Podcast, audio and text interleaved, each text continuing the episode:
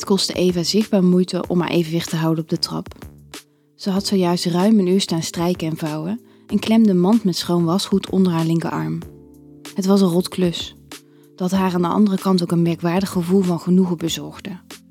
Normaal was dit een klusje voor haar man Stan. Ze hadden de huishoudelijke taken goed verdeeld. Maar deze week zat hij elke avond te werken aan een rapport dat aan het einde van de week opgeleverd moest worden. Eva stapelde de handdoeken in de kast en hing Stans shirt op een hangetje. De geur van fris wasgoed gaf haar een verbazingwekkend gelukzalig gevoel. De BH's en slipjes gingen naar ondergoed laden en daarna opende ze die van Stan. Ze moest een beetje proppen om zijn boxershorts erin te krijgen en daarmee stootte haar hand op iets hards. Wat zou Stan nu in zijn ondergoedladen stoppen? Voorzichtig gluurde Eva door de deuropening. Vanuit hier zag ze dat Stan verhit aan zijn rapport aan het werken was. Als een volleerd archeologe groef ze het harde dingen uit de stapel onderbroeken en sokken. Tot zijn kunststofstaaf de grootte van de zaklamp uithaalde. Alleen was het geen zaklamp. Eva was geen doetje. Dit gevaarte was een seksspeeltje. Terwijl ze dingen in hand hield, gingen er duizend gedachten door haar hoofd. Ze waren altijd heel open als het over hun seksleven ging en ze hadden in de slaapkamer een mand met een paar vibrators, een dildo, wat verschillende glijmiddelen en een setje boeien. Waarom zou Stan dan hier een seksspeeltje verbergen? Ze wist heus wel dat hij zo nu en dan de hand aan zichzelf sloeg. Als ze Stan ermee zou confronteren, zou hij waarschijnlijk alleen maar generen. Het duurde slechts enkele seconden voordat zich een ondeugend plannetje ontvouwde in haar hoofd. Eva pakte een sexy setje uit haar lade en kleedde zich stilletjes om. Zo nu en dan gluurde ze door de deur en zag ze dat Stan nog steeds druk aan het werk was.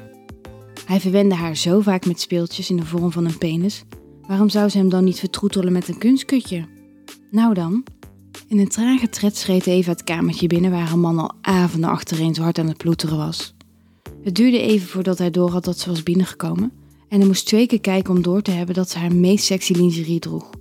Oh, wauw, Eve. Maar, maar ik moet dit echt even doen, stamelde hij. Eva glimlachte. De boog kan niet altijd gespannen staan, lieverd. Eva haalde de masturbator van achter haar rug en hield die speels voor zich. Haar vingers streelden liefdevol langs de schacht. Binnen luttele seconden ontwikkelde zich een rode vlek in Stans nek. Ik uh, kan het uitleggen, ik... Uh, stamelde Stan beschaafd. Maar Eva legde haar vingers op zijn lippen, ten teken dat hij stil moest zijn. Er was geen reden voor schroom of verlegenheid. Als hij haar verwende met haar favoriete vibrator, kon ze daar ook enorm van genieten. Nu was het haar beurt. Met lichte dwang draaide ze zijn bureaustoel een kwartslag en liet zich tussen zijn benen op haar knietjes vallen.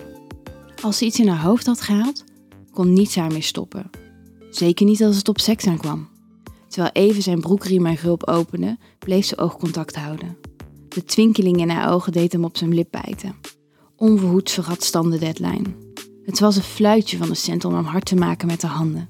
Ze kenden elkaar door en door en Eva wist precies op welke knoppen ze moest drukken om hem op te winden. Met lange halen van haar tong maakte ze zijn inmiddels ferme stijve kletsnat. Het liefst wilde hij dat zij hem diep in haar mond nam. Maar hoe hij zijn heupen ook omhoog duwde, Eva had andere plannen. Heel even bestudeerde Eva de kunststofkoker en besloot dat het allemaal niet zo moeilijk was. Bedreven, alsof ze dit al duizend keer heeft gedaan, schoof ze het speeltje voor het eerst moeiteloos over zijn opgewonden pik. Stan liet zijn hoofd in zijn nek vallen en genoot zichtbaar van het gevoel van het zacht geribbelde binnenwerk. De grip van zijn handen om de leuningen van zijn bureaustoel verstevigde tot zijn knokkels er wit van werden, terwijl Eva het speeltje traag op en neer bewoog. Nu begreep ze waarom Stan altijd zo opgewonden werd als hij haar vertroetelde met een vibrator of een dildo. Het was verdomd geil om te zien hoe dit haar man tot extase bracht. Ze drukte haar dijen tegen elkaar in een poging de opgekomen kriebel te stillen, maar het was tevergeefs. Met bewondering en verwondering zag Eva hoe ze Stan in sneltreinvaart naar een hoogtepunt bracht. Er was niets liever wat ze wilde dan dat. Na alle keren dat hij haar had verwend met een speeltje, was het nu tijd dat ze hetzelfde bij hem deed. Zonder aarzeling, zonder voorbehoud, zonder enige ingetogenheid versnelde ze haar beweging tot haar man zich leegde in de kunststofkoker in haar hand. Eva zoende Stan op zijn mond. Maak je rapport nu maar af, schatje. Ik ga deze schoonmaken en daarna gaat hij in ons mandje. Want deze jongen, of dame, gaan we nog veel vaker gebruiken, beloofde Eva. Wil jij nou meer spannende verhalen? Luister dan naar Charlie's Avonturen, een podcast van Easy Toys.